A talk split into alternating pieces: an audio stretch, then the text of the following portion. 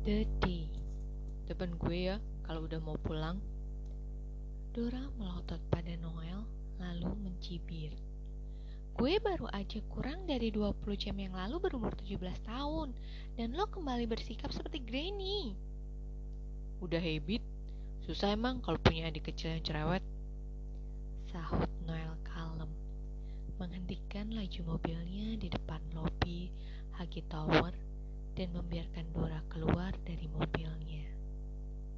Take care and safety drive. Noel balas mengajungkan ibu jarinya sebelum ia meluncur pergi meninggalkan Dora yang terpaku sebentar di lobi sampai seseorang menepuk bahunya. Peserta 30 Days for Finding Food kan?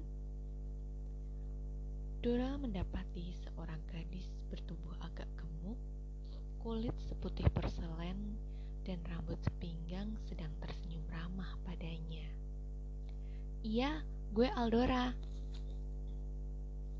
Wah, kenalin, gue Zerin. Masuk bareng yuk. Ajaknya sambil menggandeng tangan Dora menuju ballroom HG Tower yang terletak di lantai delapan.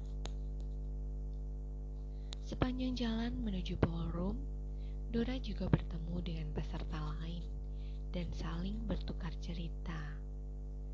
Dora bersyukur semua gadis dengan fisik dan latar belakang yang berbeda ini bisa menjadi akrab dengan dirinya. Saat mereka masuk ke dalam ballroom, ruangan tersebut sudah dipenuhi oleh para tamu undangan.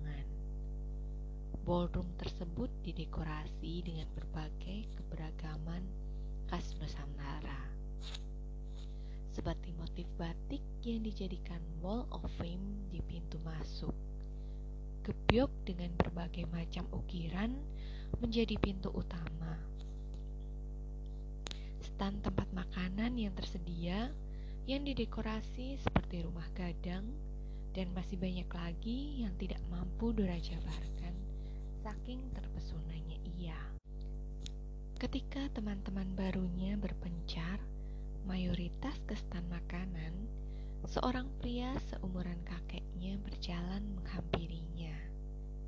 Awalnya, Dora tidak terlalu peduli. Bisa saja kakek itu menghampiri orang di belakangnya. Tapi ia merasa dugaannya salah ketika kakek itu menyapanya. Selamat malam, Aldora. Uh, selamat malam, Pak. Perkenalkan, nama saya Haiman Jaya. Dora sedikit terkesiap, namun tetap menyambut uluran tangan itu dan menjabat tangannya. Pria itu mengenakan setelan jas yang membuatnya tidak terlihat tua di usia senjanya. Dora pun kini tampil berbeda dari biasanya. Ia menggunakan asymmetric dressnya yang berwarna milk white, sling back shoes, charm bracelet, serta mini clutch di tangan kirinya. Kamu tahu, saya sudah lama sekali menanti untuk bertemu dengan kamu. Anda sudah lebih dulu mengenal saya. Kakek tertawa kecil. Aku mengenalmu, keluargamu, dan terutama Sani.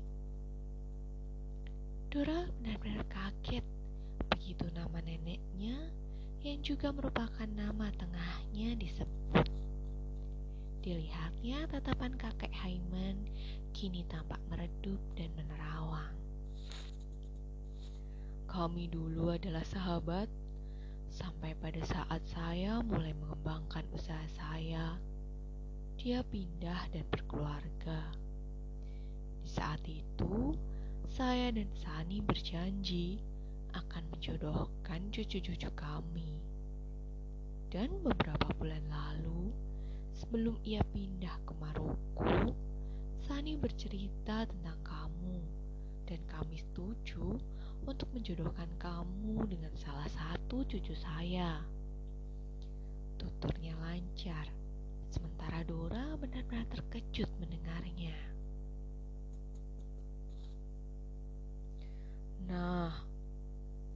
Dihelanya Dora ke sudut ballroom. Mereka adalah cucu saya. Kenalkan, ini Felix, Otis, Owen, dan Dylan.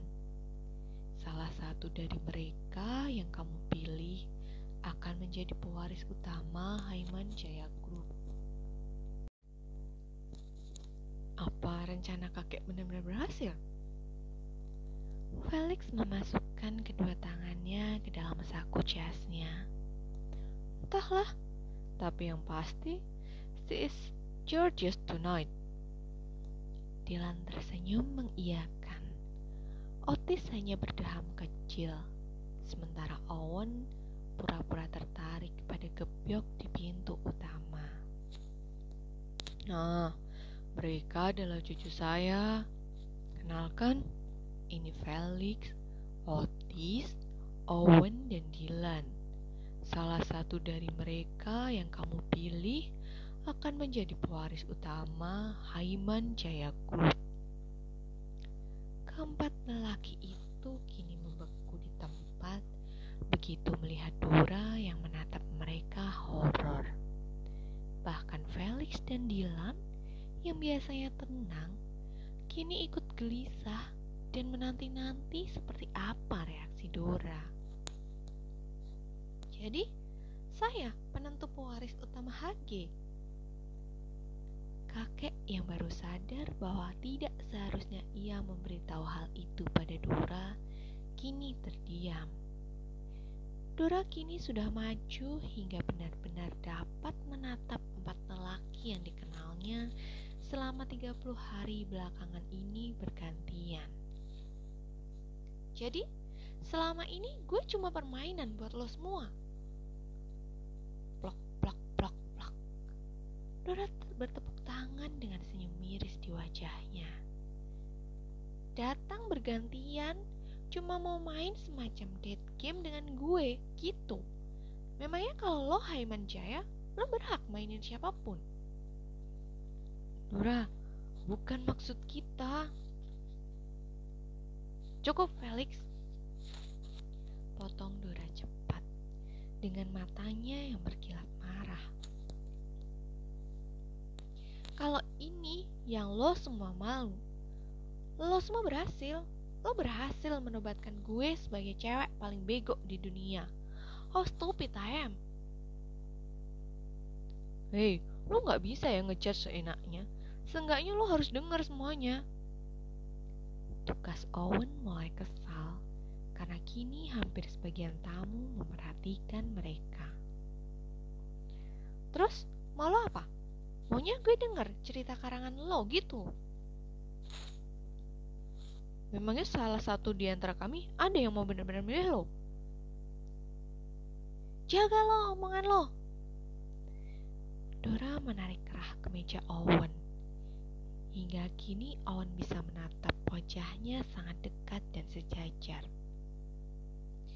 Jangan pernah mikir bahwa gue serendah itu, Tuan Owen Haiman Jaya. Dora melepas cengkramannya pada kerah kemeja Owen. Lalu berlalu pergi, sedikit berlari dan tidak peduli bahwa ia mengenakan sepatu dengan hak setinggi 8 cm. Keempat lelaki itu bergegas keluar ballroom, menyusul Dora. Namun Dora sudah tidak terlihat lagi.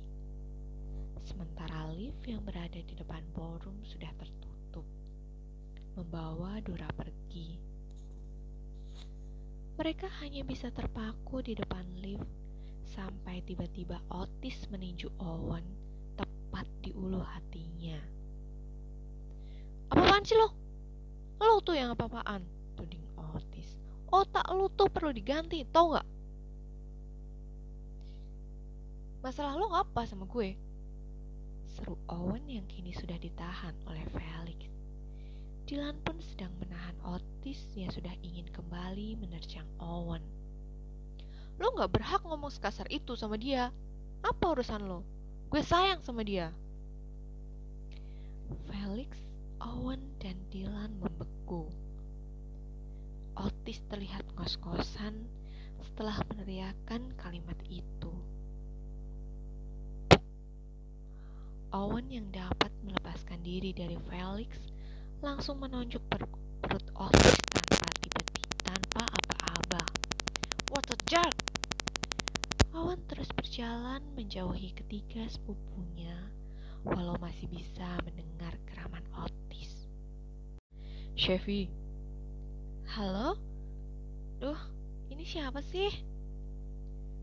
Ini gue Noel. Chevy langsung terduduk, bangun dari tidurnya. Kantuk yang tadi masih menyelimutinya, kini sudah hilang.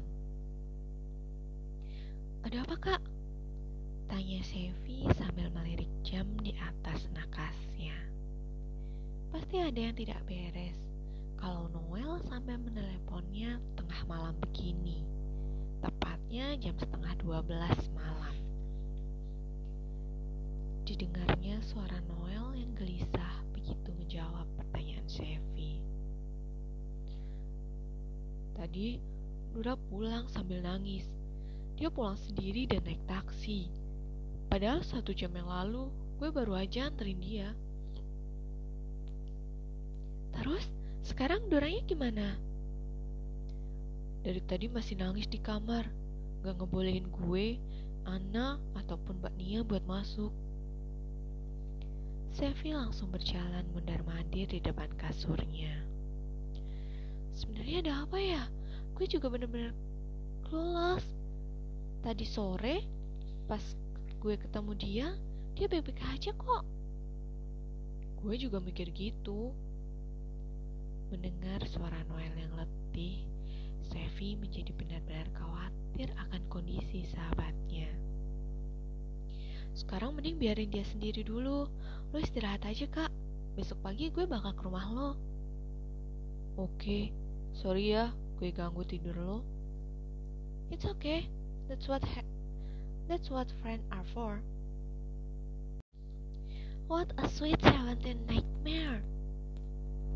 Perasaan itu terus membayanginya ketika ia terbangun dengan mata sembab dan wajah yang lengket akibat menangis semalaman, lalu jatuh tertidur. Harusnya kemarin adalah hari terindah dalam hidupnya, karena hari itu ia berusia tepat 17 tahun. Harusnya kemarin Noel, Anna, Chevy, Mama Ronald, dan Mbak Nia mendatanginya tengah malam dan memberinya pesta kejutan diikuti teman-teman sekelasnya yang kompak menyiramnya di lapangan basket. Bukannya ikut acara puncak Haggis Anniversary. Oh, mengingat hal itu hanya membuatnya ingin muntah. Baru saja ia melangkahkan kakinya ke kamar mandi, terdengar keributan dan gedoran maha kejam dari pintu kamarnya.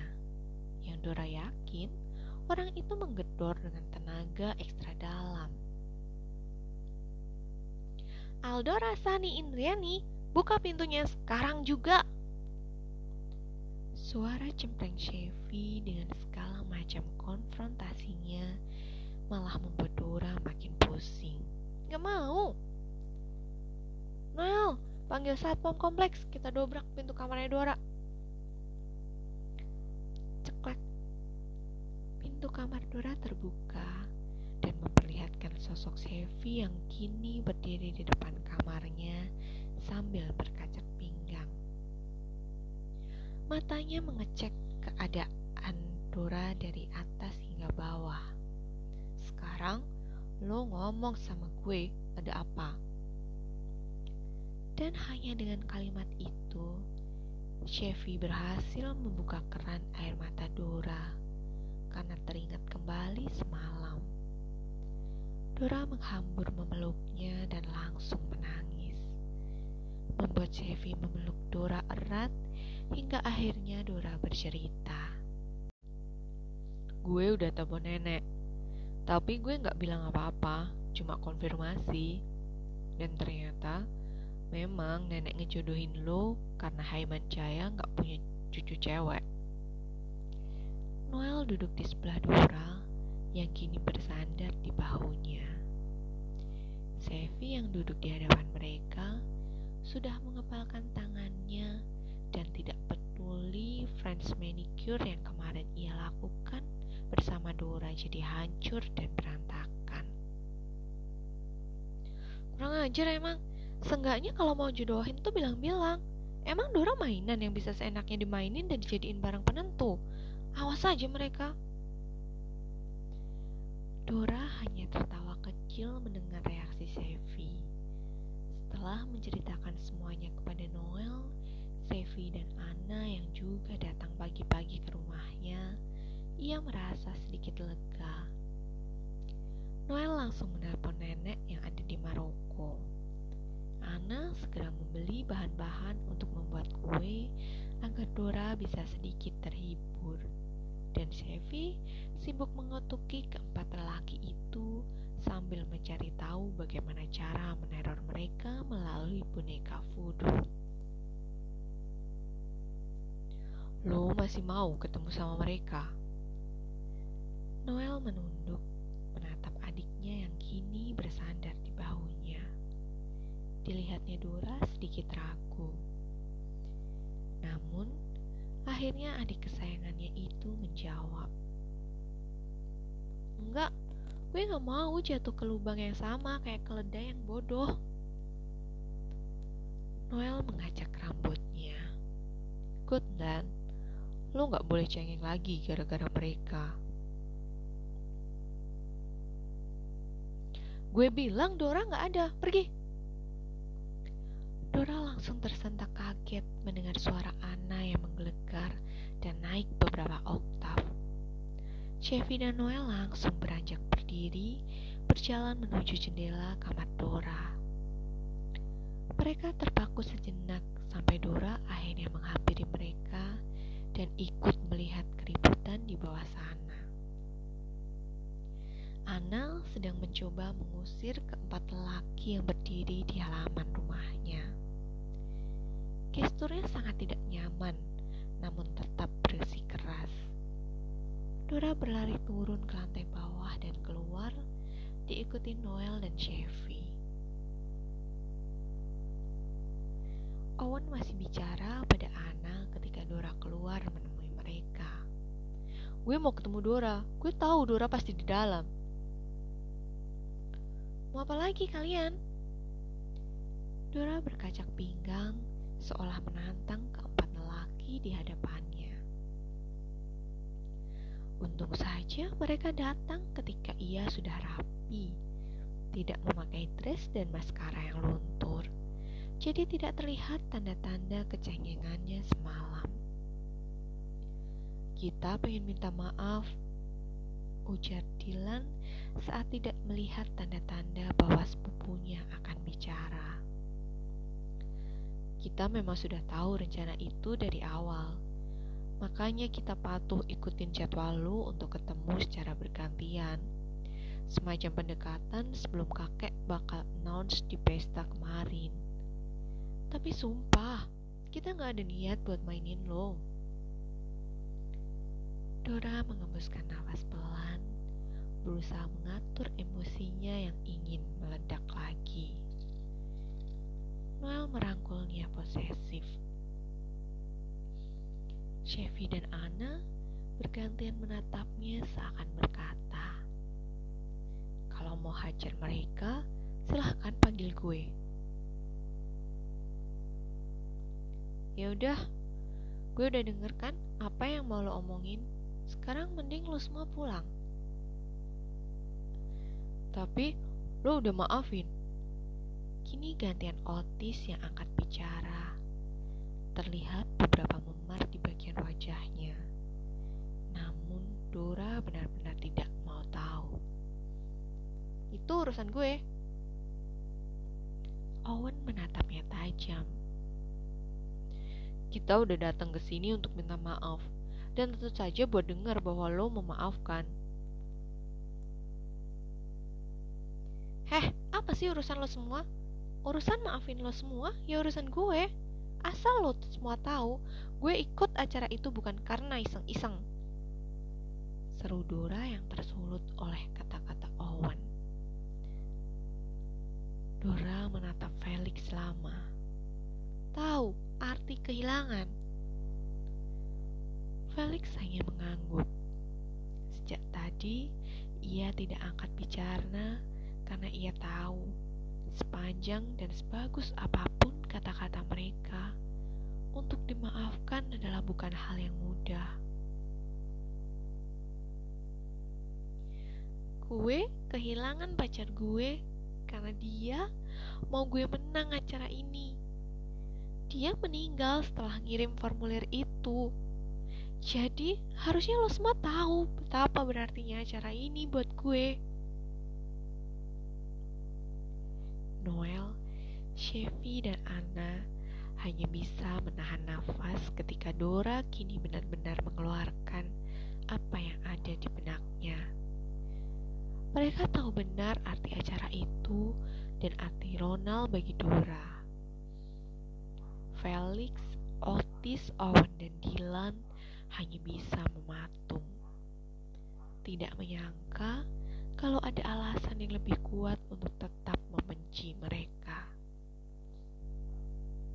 Dan sekarang lo semua menganggap acara itu bukan hal yang penting, gak ada kenangannya atau apalah itu. Ronald pasti nyesel karena udah ngorbanin nyawanya. Apalagi kalau tahu ternyata lewat acara ini juga gue dijodohin sama orang-orang busuk kayak lo semua. Dora melangkah masuk ke dalam rumah, mencoba menahan derai air mata. Yang anehnya, terus saja mengalir. Sevi dan Ana yang sejak tadi berdiri di belakang Dora langsung bergegas menyusul tanpa melihat lagi keempat lelaki itu. Dora, sekarang lo semua pergi dari sini usir Noel dengan nada tegas yang tidak bisa dibantah. Keempat lelaki itu masih berdiri di tempatnya, seolah sengaja melanggar perintah itu di hadapan Noel. Adik gue gak mau lihat kalian lagi. Jangan ganggu dia, atau lo semua bakal berhadapan dengan gue. Felix akhirnya memilih mengalah dan menghela ketiga sepupunya untuk pergi. Sampai mereka tiba di balik pagar rumah, mereka masih bisa mendengar kata-kata Noel. Walaupun lo semua cucu dari Haiman Jaya, gue gak bakal biarin lo hidup tenang selama lo ganggu adik gue. Gak peduli sekaya atau seterkenal apa pun lo, inget itu. Baru sekali ini mereka merasa mempunyai nama Haiman Jaya di belakang nama mereka bukanlah hal yang membahagiakan, apalagi menguntungkan.